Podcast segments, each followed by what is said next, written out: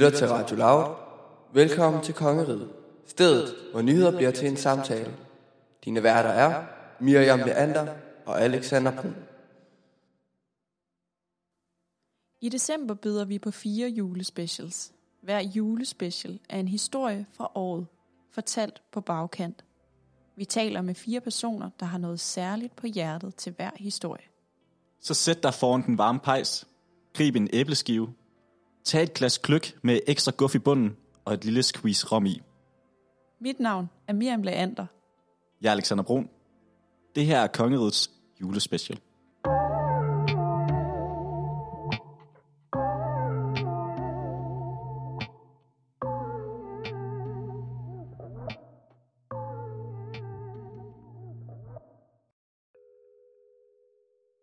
Denne podcast er Kongerigets første special, som er en historie om Black Lives Matter-bevægelsen i 2020.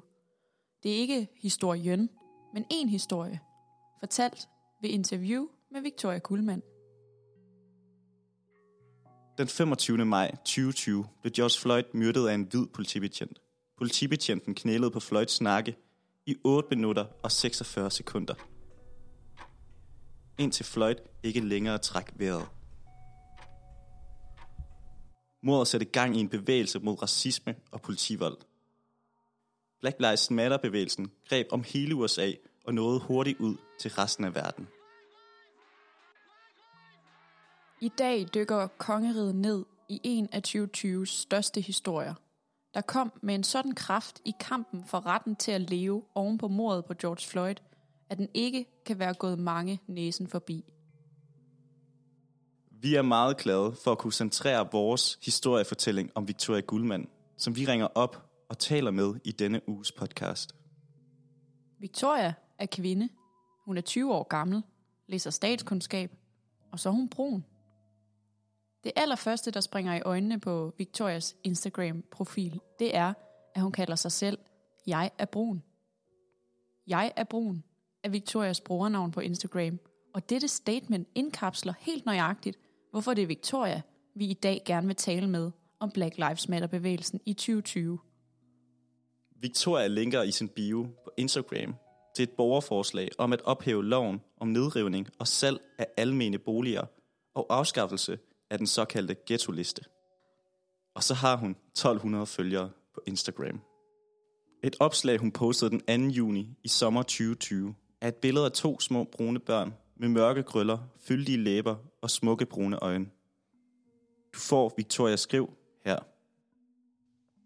Et af mine tidligste barndomsminder er at gå på gaden med min far i hånden.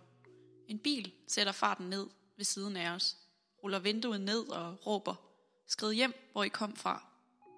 I børnehaven troede folk ikke på, at jeg var min mors barn, fordi hun var hvid. Da jeg foran hele min klasse som seksårig blev kaldt en dum nære til min venindes fødselsdag, sagde hendes forældre, at jeg skulle slappe lidt af. Da jeg mødte min ekskæreste svoger, kaldte han mig Afrika, og han har aldrig stoppet. Da jeg som 15-årig, et barn, var i Tivoli med min hvide kæreste, spurgte to mænd ham, grinende, hvilken farve min kønslæber havde. Måtte de se? Da jeg kom på gymnasiet, nægtede en dreng fra min årgang at kalde mig andet end sortevik, fordi det var jeg jo. Hver gang Afrika og slaveri blev nævnt i skolen, vendte alle sig mod mig. Da jeg var tjener sidste sommer, fik jeg tit at vide, at jeg snakkede godt dansk. Forleden spurgte en fremmed mig om vej på gaden på engelsk. Jeg skal altid forsvare, hvorfor racistiske jokes ikke er i orden. Hvorfor fremmede kvinder ikke må klappe mit hår i bussen. Jeg skal altid forsvare min ret til bare at være til. Disse er ikke engangstilfælde. Jeg er et brun barn, opvokset i Danmark. Født af en hvid mor, og barn af en far, der kæmpede imod apartheid. Imod de hvides nedslagning og systematiske tortur af ham og hans egne, fordi de var sorte. Jeg er blevet kaldt mønsterbryder, eksotisk, abe, klam, fremmed, nære, indvandrer, en dum somalier. Jeg har intet med Somalia at gøre i øvrigt. Jeg har fået at vide, at jeg er smuk, også selvom jeg er sort. Når folk som mig lider i hele verden, så lider jeg også. Jeg har aldrig valgt min plads i verden. Og jeg er aldrig blevet spurgt om, hvem jeg ville være. Når folk som mig vokser op, får vi med det samme fortalt den samme historie. At vi stikker udenfor, at vi har været undertrykt og slagtet siden tidernes morgen, og at vores eksistens stadig for mange er en hån. Det gør ondt, og det gør ondt, at det bliver ved. Alle dem, jeg elsker højst i verden, er hvide. Alle dem, jeg har delt mit liv med, er hvide. Jeg beder jer alle om at indse, at det, der foregår lige nu, ikke bare er en hændelse. Det er kulminationen af hundredvis af års undertrykkelse, nedværdigelse, ydmygelse og hån. Jeg beder jer, alle mine hvide medmennesker, om for en gang skyld bare at lytte. Lyt til, hvad vi har at sige. Spørg, hvis I er i tvivl. Uddan jer selv. Der er ingen undskyldning længere. Hvis det gør jer utilpas eller bange at være imod systemet, der lige nu er under pres, så bliver I simpelthen nødt til at se indad. Det er ikke godt nok, og det har det aldrig været. I er en del af problemet. Jeres stillhed er bedøvende, og den gør ondt. Victoria giver aldrig det indtryk, at hun ønsker medlidenhed og ynk. Hun er den type, der er født med en retfærdighedssens. For sig selv og for andre mennesker i verden. I en sådan størrelse, at hun ikke bare kan sidde den overhørig. Hun er nødt til at ytre sig. Og det gjorde Victoria på sin Instagram-profil den 2. juni, og det får hun lov til igen i dag i Kongeriget. I programmet, hvor nyheder bliver til en samtale. I denne special er det historien om Black Lives Matter-bevægelsen, der blev sendt igennem verden som en tsunami-bølge i 2020, der bliver til en samtale på bagkant. Spørgsmålet er, om bølgen skyllede politivolden og racismen væk, eller om der stadig gemmer sig rødder i jorden, som har sat sig så dybt, at der skal mere til. Velkommen til Kongeriget.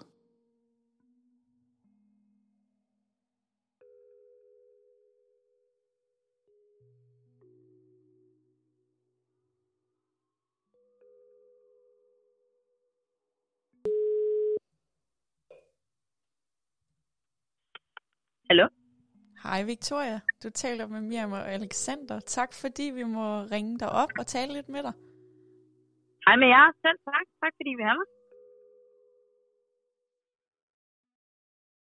Jeg vil gerne skrue tiden lidt tilbage.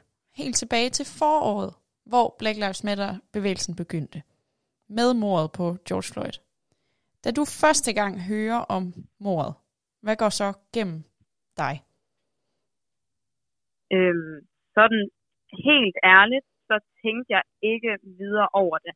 Det var lidt som om, at der ikke rigtig var noget nyt under solen, og altså, det er på en eller anden måde svært at forklare, men på et tidspunkt efter historietimerne i folkeskolen og på gymnasiet, og senest ligesom videoer af sorte, der bliver skudt uden årsag, så bliver man bare på en eller anden måde nødt til at være forholdsvis apatisk overfor, at de her uretfærdige drab, øh, og det er ikke fordi, det ikke gør ondt indeni, men det føles ligesom på en eller anden måde lidt mere fjern.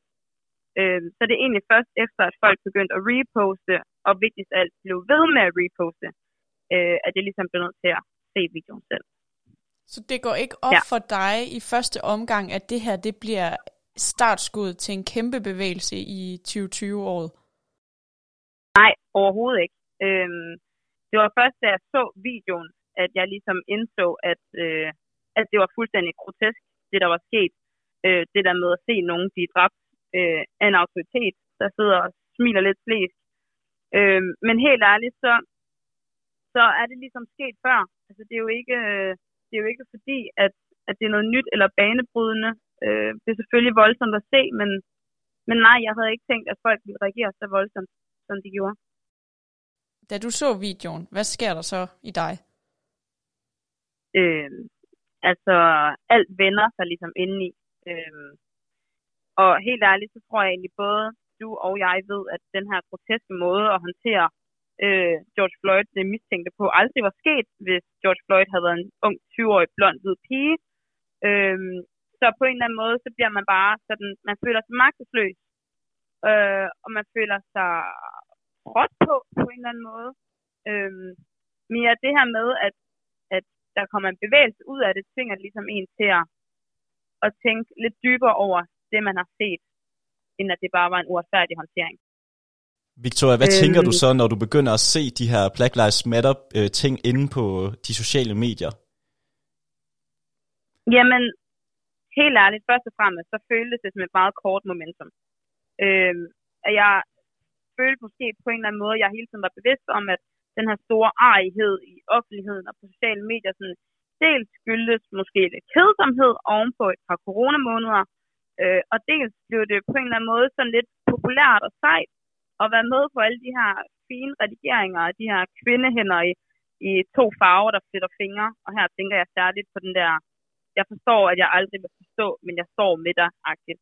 Øhm, og, og det der med, at så, så gik vi alle sammen på gaden, øh, og, øh, og folk begyndte at poste de her øh, hvad hedder det, sorte firkanter, og så begynder jeg også at få beskeder fra mine venner, eller er du okay?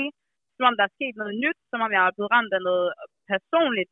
Men, men nej, der var ikke rigtig nogen nye tanker for mig i forhold til, øh, at Black Lives Matter begyndte. Øh, men til gengæld var der måske for første gang nogensinde, i mit liv i hvert fald, en eller anden form for platform, hvor at min stemme var ønsket og hørt og på en eller anden måde også respekteret. Og der kan man måske sige, at førhen, og vel egentlig også efterfølgende, har min stemme, eller ikke selve min stemme, men min stemme har måske ofte været et irritationsmoment, altså en eller anden form for stemningsdræber. Måske et oversensitivt indslag i en eller anden debat, der måske godt kunne lade som om, at den gerne vil høre mig, men når det kom til stykket, måske ikke rigtig altid respekterer min stemme som sort kvinde over en hvid ekspertstemme. Victoria, nu, synes du, nu siger du det der med, at der var mange, der begyndte at dele øh, ja, sorte billeder på Instagram og så videre, øh, så videre. Synes du, det virkede falsk, når der var så mange, der delte det? Nej, jeg synes faktisk ikke, det virkede falsk. Jeg kan huske, at øh, jeg, jeg havde ikke lige opdaget, at den her, øh, den her dag var på vej, den her Blackout Tuesday var på vej. Men jeg logger så ind på min Instagram, og det har været det eneste, folk har snakket om i flere dage, øh, måske flere uger på det her tidspunkt, og logger ind, og så kører jeg bare ned af min feed, og det er bare kulsort. Altså, jeg scroller og scroller og scroller, og det, altså, det virkede bare sådan helt surrealistisk på en eller anden måde, så jeg fik faktisk tår i øjnene, og sådan, og blev nødt til lige at, at bide det i mig, så jeg blev faktisk ret rart.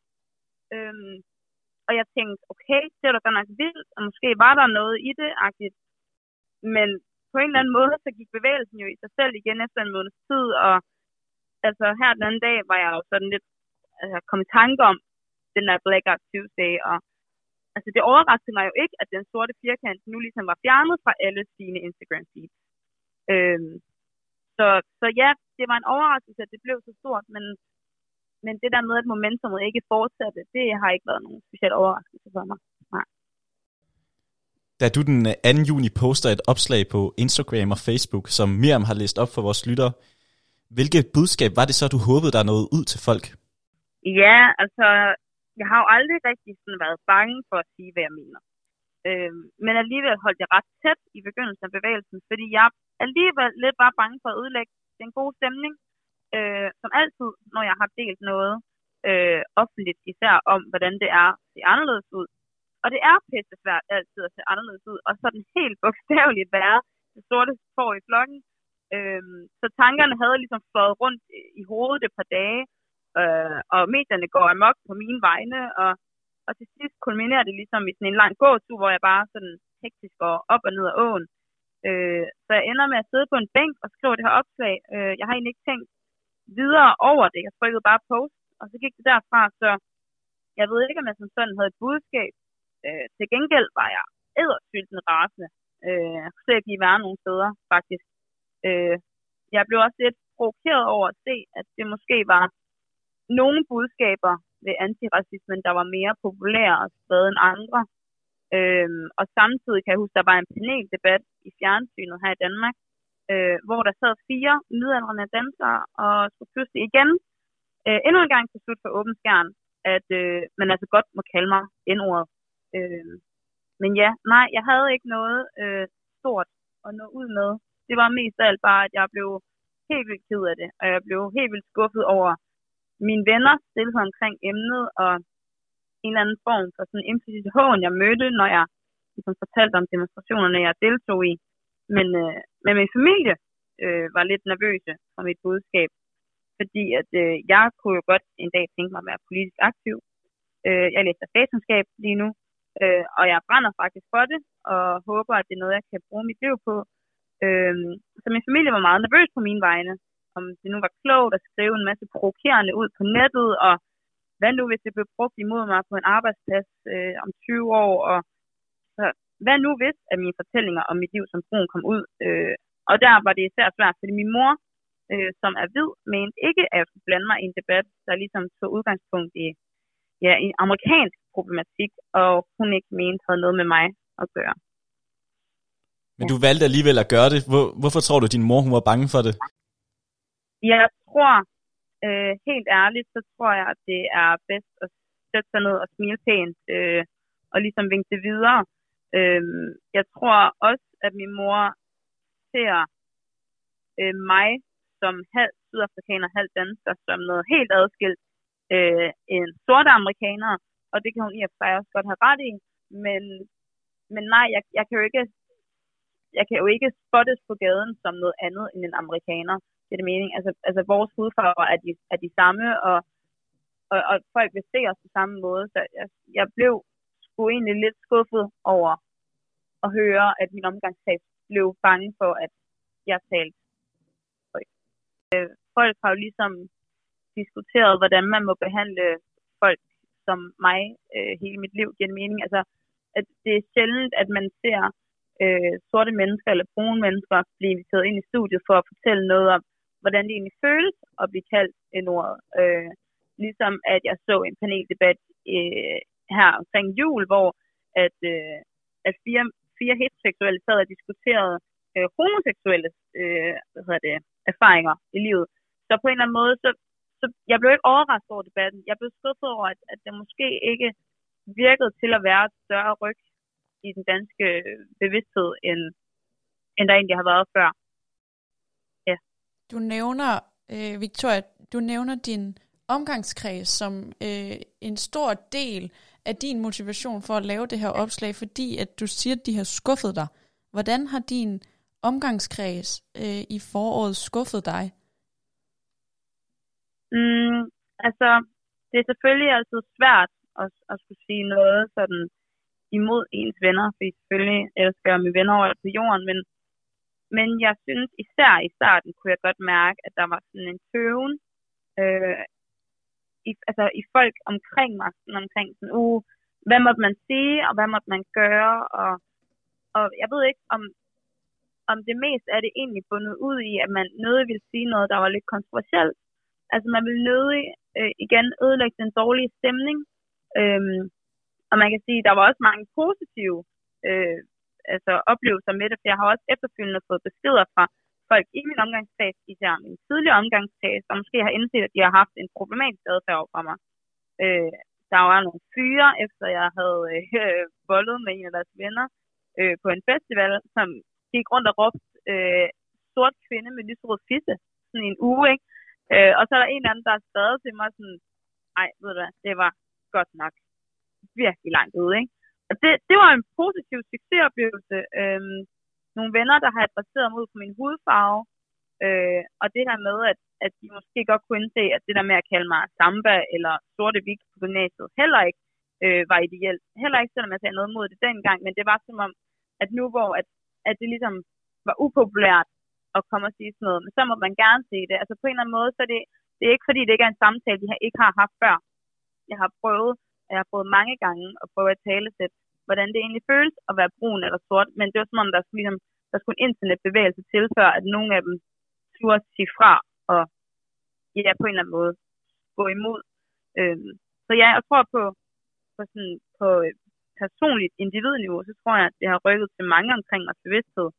Øhm, men hvis jeg skal være helt ærlig, så tror jeg ikke, at det har sat sig mere i folk end øh, en øjenvippereklame, jeg lavede for min veninde i går. Det er ikke min indtryk, nej. Dine historier er eksempler, blandt andet fra herhjemme i Danmark. Bliver du provokeret, når det påstås, at der ikke findes racisme i Danmark? Jeg tror ikke, jeg tror ikke at, at danskerne har definitioner af racistiske. Øhm, jeg synes, det er provokerende, når folk påstår, at der ikke findes racisme i Danmark.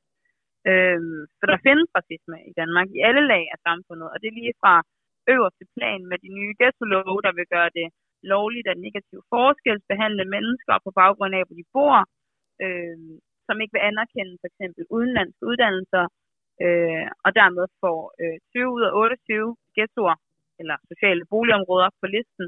Øh, Dansk Folkeparti, der i sidste uge øh, har en ændring til lovforslag om at nægte øh, statsborgerskab til borgere fra lande med mange muslimer i, og så helt ned til, øh, til folk, jeg møder i min dagligdag, der bliver overrasket over, at jeg har to akademisk uddannede forældre. Og nej, jeg er ikke adopteret.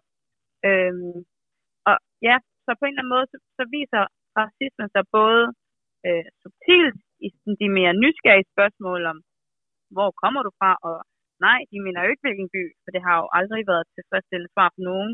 Øh, hvilken af mine forældre, der er sort, nå, det er din far, er han så muslim, eller og du ligner godt nok din mormor helt vildt. Og det er jo nok måske kun fordi mig og min mormor er de to brune mennesker i familien.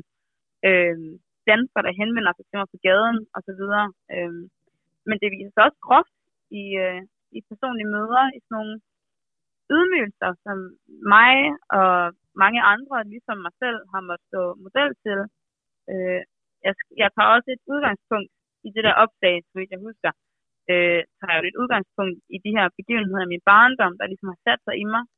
Øh, fordi det er fandme ydmygende at bryde sammen til en børnefødselsdag, og det er da ekstra ydmygende at bryde sammen til en børnefødselsdag i anden klasse, fordi at forældrene fortæller mig, at de andre gerne, øh, børn gerne må løbe rundt og kalde mig øh, en dum øh, nære. Og det er ydmygende at blive kaldt slave i historietimen. Det er ydmygende at blive råbt af på gaden. Det var ydmygende, at øh, folk sendte min øh, morfar og jeg vemmelige blikke, fordi de senere så fortalte, at de troede, at jeg var hans 40 år yngre kone. Det er ydmygende, at øh, to mænd, som jeg skriver opslaget, spørger min kæreste, øh, hvilken farve mine kønslæber har i en alder af 14 år, øh, bare et barn. Og det hele bunder ud i, at det egentlig er ydmygende, fordi det stadig er ydmygende at være farvet i Danmark. Og det er egentlig ydmygende, fordi det nærmest er tabubelagt at se anderledes ud. Øh, fordi folk ofte virker til at have ondt af mig, fordi jeg har stort hår og mørk hud, og at folk egentlig har ondt af, at, at folk til mig altid var andenrangsborgere. Øhm, så jeg, jeg vil ikke sige, at, at danskerne per definition er racistiske, men der er bare så mange ting, vi slet ikke øh, taler om, og jeg ved endda, at jeg selv har privilegier, der bunder ud i, at jeg kommer fra en meget hvid familie ude fra Mols, ude ved Djursland, er gået på en af Danmarks bedste privatskoler, og min hudfarve er også tættere på hvid end min fars. Så derfor ved jeg, at jeg har lettere ved at blende ind end ham. Øhm, min far er også kristen, så det er jo også øh, et religiøst aspekt, der er lidt lettere sluligt. Øhm, så, så nej, jeg, jeg vil ikke sige, at, at mennesker i Danmark per definition er racistiske, men, men jeg føler, at vi er ved at komme et sted hen, hvor det ikke længere er fy-fy at sige grimme ting. Øh, om folk, der ser anderledes ud. Og det med, at øh, en indvandrer, en tilflytter, måske skal skrive lidt flere ansøgninger. Ja, hvis du nu er Aisha, så kunne, det jo for, så kunne man jo forestille sig for eksempel, at arbejdsgiveren tænkte, Aisha, går hun med tørklæde? Skal hun øh, bede 3-4 gange om dagen, eller måske 5? Hvad sker der, hvis hun i løbet af ansættelsesforholdet bliver mere radikaliseret? Hvad gør jeg så? Det er måske de tanker, der engang imellem er. Er det racisme? Nej, det mener jeg overhovedet ikke, det er. Og det bliver vi bare nødt til at stille stilling til. At sige, at der er racisme i Danmark, det falder mig så anstødeligt. Er der nogen, der overskrider en grænse? Ja, men racisme? Nej. Victoria, bliver du provokeret, når eksempelvis tidligere Folketingets formand Pia Kærsgaard, hun påstår, at der ikke findes racisme i Danmark? Helt vildt. Øh, jeg synes, det er mega respektløst, og jeg synes også, det er komisk øh, på en eller anden måde, at Pia Kærsgaard er kommet ud af Fremskridtspartiet og Glistrup, og så øh, står og påstår, at der ikke findes racisme i Danmark, som hun helst vil holde så vidt som muligt. Øh, jeg synes, at, øh, at, at det er skræmmende, at, øh, at en af de højeste embeder i øh, Danmark er besat af en, der måske ikke vil anerkende nogle meget reelle realiteter øh, for danskere, som mig. Øh, jeg synes ikke, at det er særlig repræsentativt, øh, og jeg synes på en eller anden måde heller ikke, at hun kan være det bekendt, efter at hun især er gået til valg, siden hun stiftede Dansk Folkeparti selv, dengang i 90'erne på det her med at, holde Danmark så homogen som muligt, og at den danske sang er en ung blond pige, og altså jeg skal give dig skære. Altså jeg synes, jeg synes det er meget provokerende. Øhm, hvis hun i det mindste ville anerkende sort på hvidt, at øh, ja, jeg har et problem med øh, ikke-hvide mennesker, sådan som øh, for eksempel Nye Borgerlige gør, så kunne jeg måske godt have respekt for det på en eller anden måde. Ikke det, hun siger, men at hun siger det. Øh, fordi der er jo racisme i Danmark, og jeg, jeg vil godt nok ved min gamle hat på, at nogle øh, minoriteter i Danmark vil sige andet. Øh, og jeg kan på en eller anden måde også blive lidt altså, forundret over, at, at vi ligesom er kommet hertil, og at vi stadig er i benægtelse over et problem. Fordi det på en eller anden måde, så tror jeg også, at, at racisme er blevet et fyfyver. Altså det, det er sådan et, det er bare det ultimative våben på en eller anden måde. Jeg bare kan fyre det sådan, og din en kæmpe søde racist, ikke? Og så kan jeg næsten ikke sige noget værre. Og der tror jeg måske, at vi bliver nødt til at få udvandet, altså det her med at være racist, fordi jeg tror det er klart, at, at mange bærer det i sig. Øh, jeg ved, at der er mange, der, der måske kigger sig lidt mere over skulderen, når der går en, en sort mand bag sig, eller er mere øh, bevidste om, om mellemøstlige mænd omkring sig.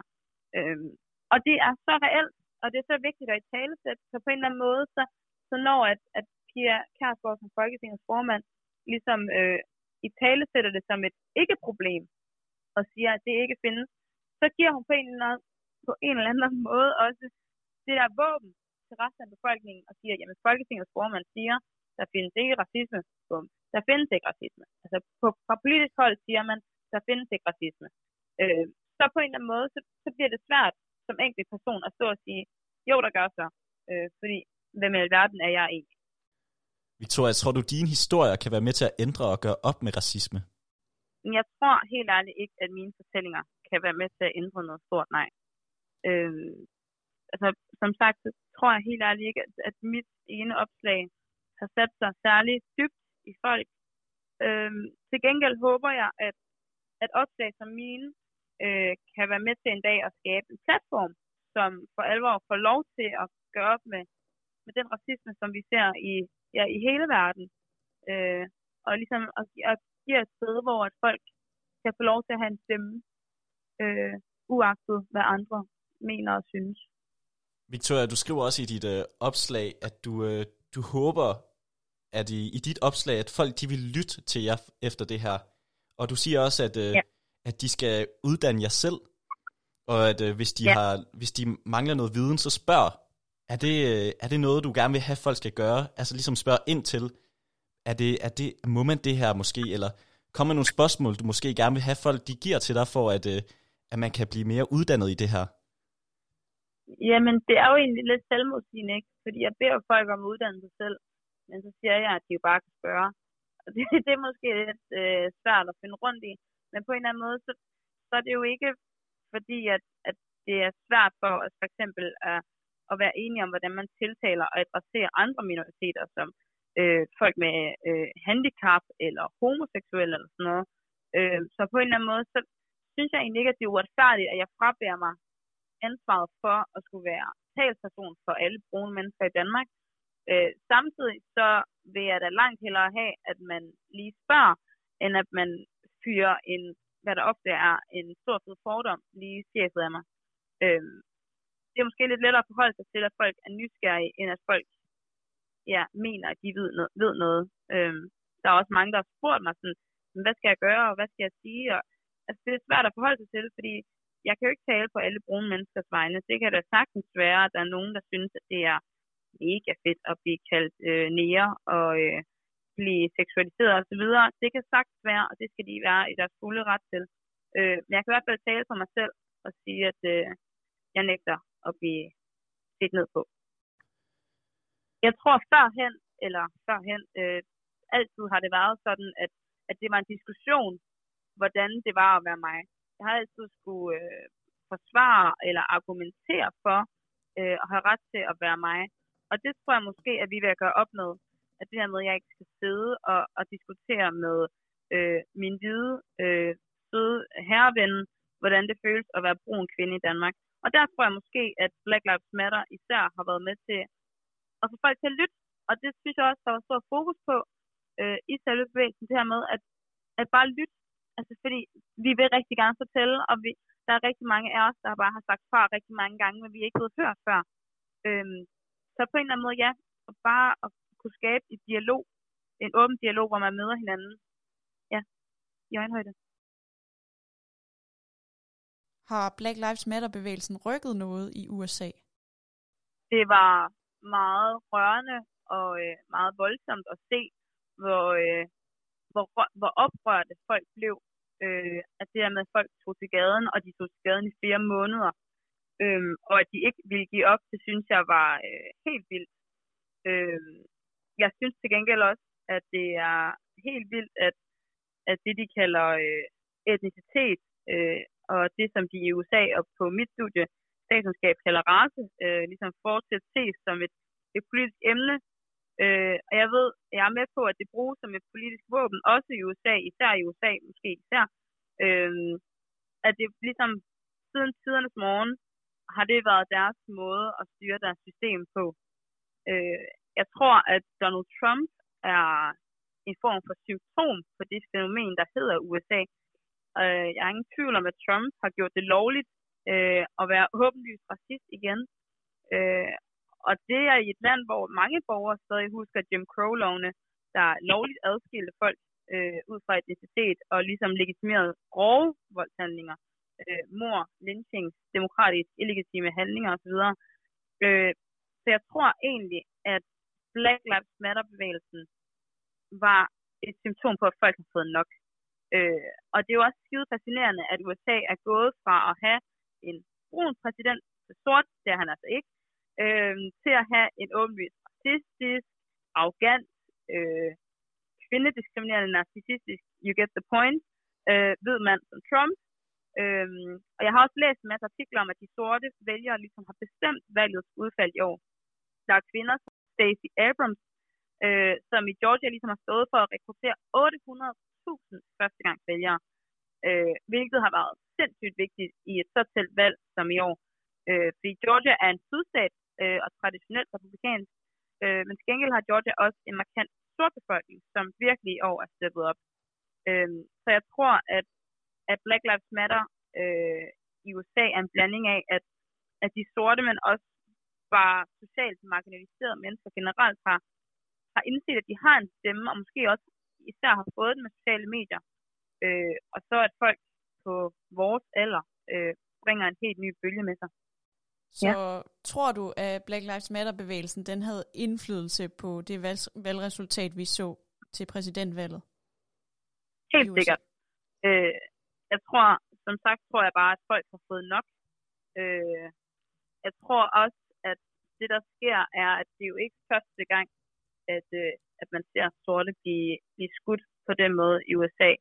Øh, så jeg tror måske, at en, en god cocktail af, af Donald Trump, øh, der totalt øh, nægter at indse problematikken i øh, racebaseret vold i USA, en blanding af den her voldsomme video af George Floyd, øh, hvor man vidderligt får lov til at se sekund for sekund, hvordan han bliver dræbt.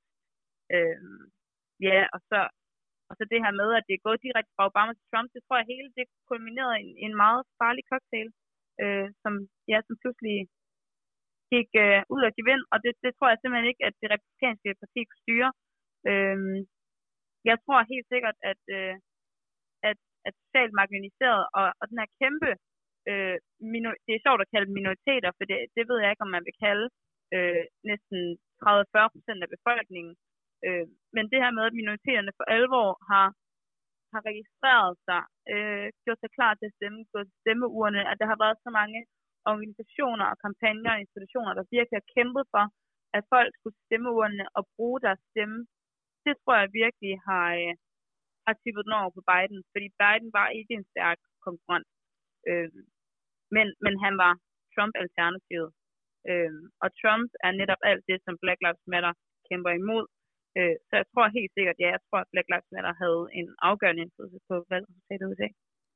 Victoria, nu nævner du selv øh, Donald Trump, og øh, ham, der ja. Har vundet det nye sæde, det er jo øh, Joe Biden. Tror du, han kan ændre den her kultur i, i, i øh, USA? Jeg er skeptisk. Øh, jeg tror, at han kan komme et godt stykke vej. Øh, Joe, han har hjertet på det rette sted. Sådan lidt konservativ, hvis du spørger mig. Hyggelig fætter. Har været good bros med Barack. Altså, altså man, man kan egentlig ikke have så meget imod ham på overfladen. Så kan man selvfølgelig klandre ham for, at han i de 47 år, han har siddet i amerikansk politik, har været med til at indføre øh, hvad hedder det, politikker, der systemisk har været skævt orienteret øh, imod øh, sorte.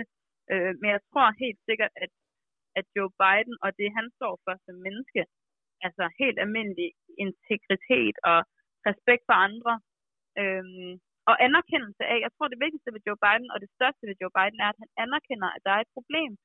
At han anerkender, at, at der stadig fortsat er systemisk øh, racisme, at, at sorte stadig bliver masseindsat i fængsler, øh, at byer demografisk er opdelte, at minimumslønnen ikke har ændret sig i 11 år, det, det anerkender han. Og, og jeg tror bare, det der med at anerkende, at der skal ske en forandring, ikke den forandring, som Trump mener, men det der med at anerkende, at der skal ske noget nyt, og der skal ske noget mere lighedsskabende, det tror jeg for alvor øh, kunne skabe noget stort og noget meget vigtigt i USA.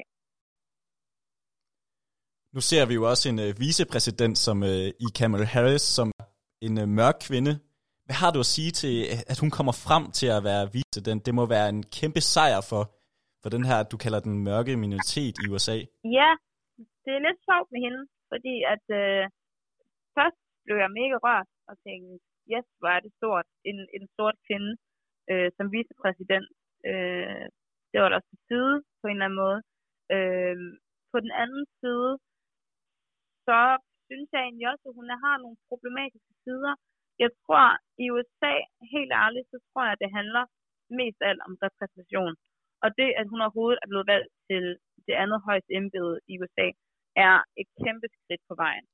Øh, det sagde vi også med Obama, men øh, man håber, at øh, der ikke kommer en Trump 2 efter Biden og Harris. Øh, Kamala Harris har også været med til øh, at masseindsætte sorte mænd øh, i fængsler. Øh, hun har også været, nu tror jeg også på, at, at Black Lives Matter ikke kun handler om, om sorte øh, rettigheder og ligheder, men i virkeligheden alle minoriteter nogensinde.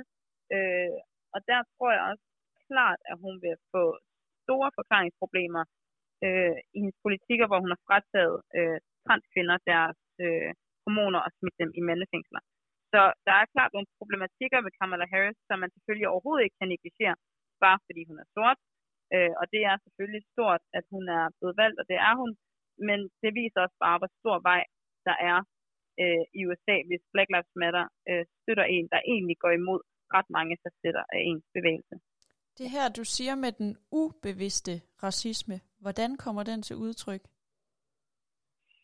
Øhm, altså, øh, jeg, jeg tror, jeg tror, altså jeg kan jo kun snakke ud fra min egen øh, erfaring som øh, menneske i Danmark. Øh, men, men det her med, at, at jeg for eksempel her i sidste uge sidder øh, og hyggesnakker med folk fra mit hold, øh, og vi snakker altså voksne mennesker på universitetet, som spørger mig, om jeg vasker mit hår. Øh, og jeg, jeg sidder lidt og kigger forundret på dem, og er sådan, hvorfor skulle jeg ikke det? Og men de, det tænkte de faktisk egentlig ikke, at jeg gjorde, fordi at, um, altså, hendes fætters kæreste, øh, hun havde også krøllet hår, og hun vaskede det ikke så meget, så de tænkte bare, at sådan nogen som mig ikke vaskede mit hår.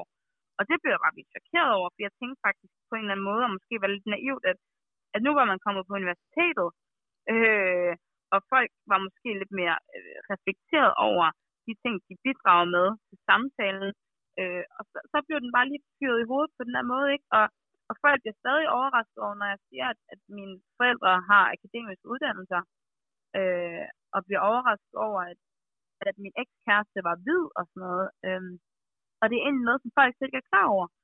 Øh, altså folk er slet ikke klar over det der med, at når, når de griner af mit hår, at, at så gør det faktisk egentlig ondt, fordi det er jo sådan, jeg ser ud nu engang, og, og det der med at få at vide, at jamen, du er jo egentlig meget flot, og du har glattet hår, ikke? Og kan du egentlig godt blive solbrun og sådan noget? Og jeg tror simpelthen ikke på, at der har været nogen onde intentioner bag nogen af de her bemærkninger. men det er simpelthen så ignorant. Øh, og, det, og det er på en eller anden måde svært øh, at, skulle, at skulle adressere det, uden at folk igen bliver bange for, at jeg smider racistkortet. Øh, fordi men du hedder da også, jeg er brun på Instagram, og om du snakker da også selv om din hudfarve, sådan, er, er de brugernavn ikke nærmest en form for satire i sig selv, og, og det er det jo ikke. Altså, det er jo rigtigt, at jeg, jeg er brun, øh, og det er da rigtigt, at jeg har krøllet hår og så videre, men jeg tror, at den der ubevidste racisme egentlig måske bunder ud i, at man, man synes, det er noget, noget andet. Øh, det der med altid at, at blive gjort til noget andet, det tror jeg måske er der, hvor man tydeligt ser racisme. For jeg er ikke i tvivl om, at, at mange af de øh, bemærkninger, jeg har fået om, at det måske at, er det ikke lidt pinligt at have dit hår, og hvordan føles det egentlig, og, og sådan have lige præcis den hudfarve, det, det tror jeg, jeg tror ikke, at det er, kommer fra et ondt sted nogensinde, men, men på en eller anden måde, så, så bliver man sgu egentlig lidt chokeret over, at, at det stadig er en... Du, du nævner øh, her, at du hedder Jeg er brun på Instagram. Kan du huske, at du ja. fandt på det øh, brugernavn og, og, og oprettede dig? Øh, ikke sådan specielt faktisk. Øh, jeg tror, jeg har oprettet en øh, bruger, ligesom øh, alle andre, med mit øh, rigtige øh, borgerlige navn. Og så øh, kan jeg huske, at jeg fulgte en, som hed Hende den Brune. Og det synes jeg bare var lidt sjovt. Og så tænkte jeg, hmm, sådan vil jeg også hedde. Så jeg lavede simpelthen et brugernavn, der hed Jeg er Brun. Altså, der var ingen større overvejelser, der var ingen politisk agenda, der var ingen, øh, ja, altså, moralsk prædiken eller noget, jeg ville fortælle med det. Tænkte jeg da bare, at jeg er brun, ligesom at øh, jeg er høj, og jeg er glad for slik-agtigt. Øh, men det kan jeg mærke, at det har måske provokeret folk øh, efterfølgende, og, og, og de har måske troet, at jeg var mere øh, politisk, øh, politisk, øh, det ved jeg ikke, aktiv eller interesseret, end jeg måske var dengang, at jeg lavede det brugernavn for efterhånden et par år siden. Det er jo interessant, fordi jeg har også opfattet det, altså da jeg gik ind på din profil og, og skulle finde opslaget, altså så tænkt over det, så har jeg også opfattet det på den måde, at det var et politisk statement. Ja, men er det ikke lidt sjovt? Altså, jo, at, uh... jo. Du skriver i uh, dit opslag den 2. juni, at nogen har sagt til dig, at du er smuk, selvom du er sort. Det lyder jo næsten som om, at en eller anden har brugt sig virkelig galt sted i et forsøg på at faktisk prøve at komplimentere dig. Men hvad er det, der gemmer sig af underbevidst racistisk tænkning i sådan en fejl, i sådan et fejlforsøg på at sige noget pænt? Øhm, ja, jeg, jeg har faktisk fået komplimenter mange gange. Det er sådan top 5 over øh, skruerbemærkninger på den lokale bodega-agtigt.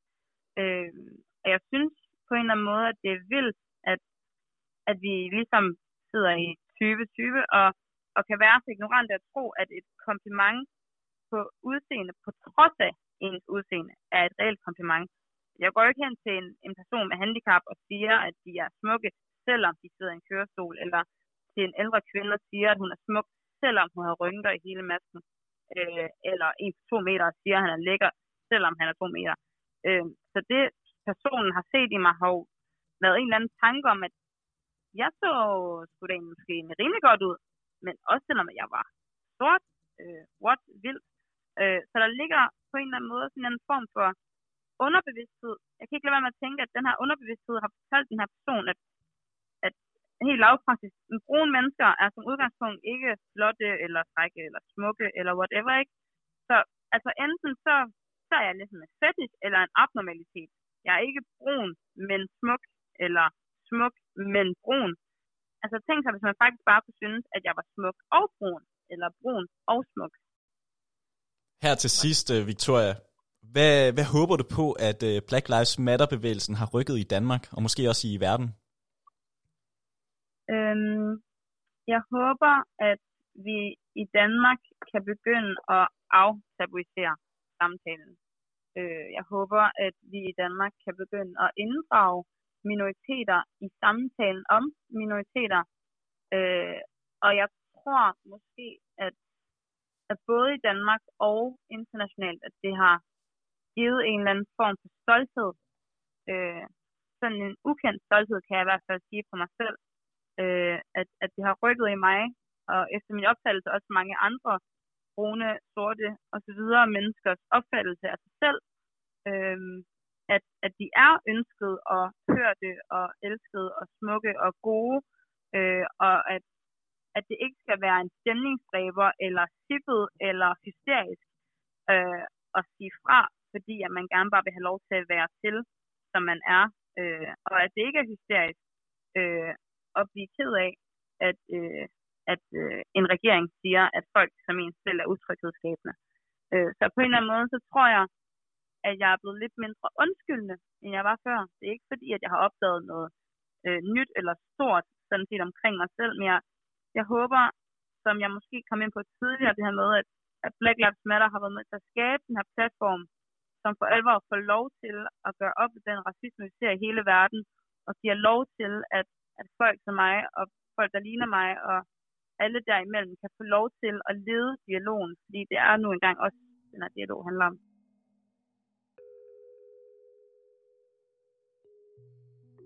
Victoria, mange, mange tak, fordi vi måtte øh, ringe til dig og høre dine tanker og refleksioner om det her emne. Tusind tak, fordi I ville have mig. Det har været meget spændende.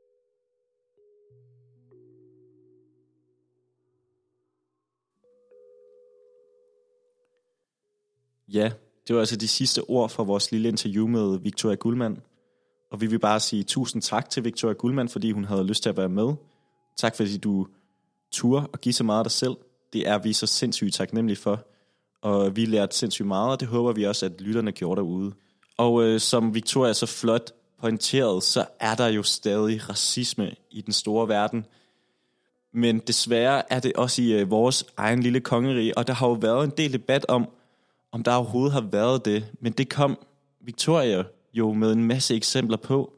Eksempler, som mange måske en smule naivt aldrig havde tænkt vil kunne ske i Danmark.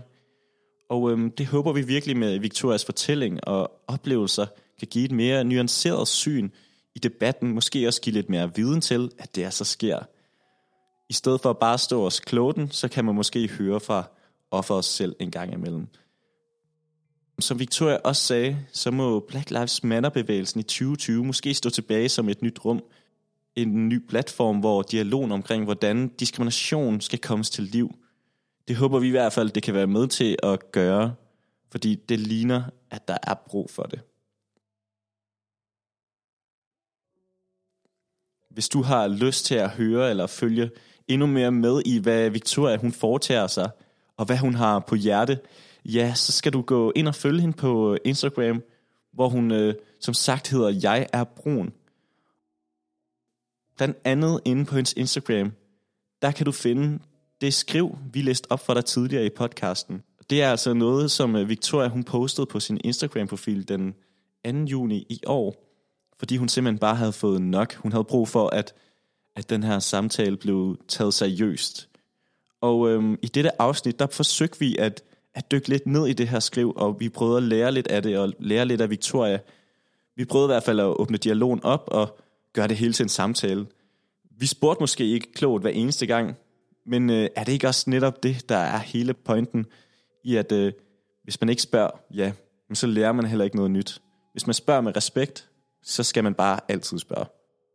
Fordi vi kommer tættere på hinanden, hvis vi taler sammen og spørger. Og det var lidt, lidt det her statement, som øh, Victoria hun kom med. Kom tættere på hinanden, tal sammen og spørg. Og øh, vi tror på og håber på, at hun har helt ret. Det hele skal i hvert fald have lov til at være en samtale i vores program, og det skal det selvfølgelig også i de julespecial, vi kommer med her. Fordi der bliver kigget tilbage på året, der gik med fire historier, fire begivenheder, som alle blev fortalt på bagkant. Og du har jo netop lyttet til første julespecial, som som sagt handlede om Black Lives Matter-bevægelsen, men med et interview af Victoria Guldmand, som vi var så glade for at snakke med. Men vi håber også på, at du kan kigge tilbage på de store begivenheder og gøre, at vi, kan, vi sammen kan lære lidt mere af hinanden. Fordi vi kan få lov til at snakke med hinanden, men vigtigst af alt, nemlig at lytte til hinanden. For når vi står tilbage med en person, der, der føler noget helt særligt for den specifikke historie, vi har hørt om, så tror vi nemlig på, at der altid er noget nyt at lære. Og hvem ved, måske, måske kan det her føre til, at, øh, at det her det bliver samtalen rundt om det store julebord den 24. december. Det håber vi da i hvert fald, det ville være en kæmpe gave, at vi kunne være med til at skabe det. I øh, næste uge, ja, så kommer der selvfølgelig et nyt afsnit, et, øh, en ny special, og øh, det bliver igen en ny historie på bagkant. Det kommer overhovedet ikke til at handle om det samme, men det bliver lige så spændende, og det bliver ligesom, og lige så lærerigt. Det håber vi i hvert fald på.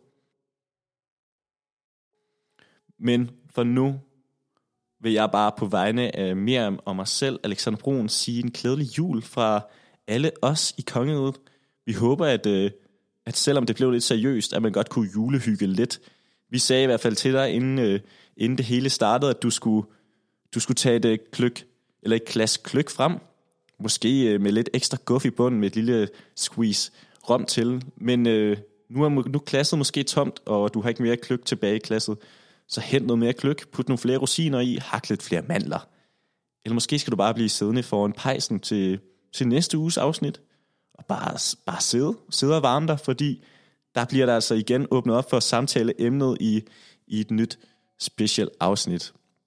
Men vi vil gerne bevare dig i den gode stemning, i den gode julestemning, fordi det er jo jul, og det skal man ikke klemme.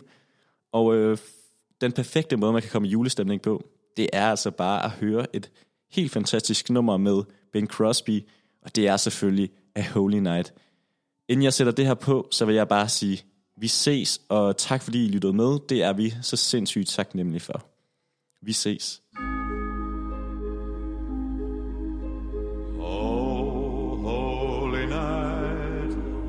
Stars are brightly shining.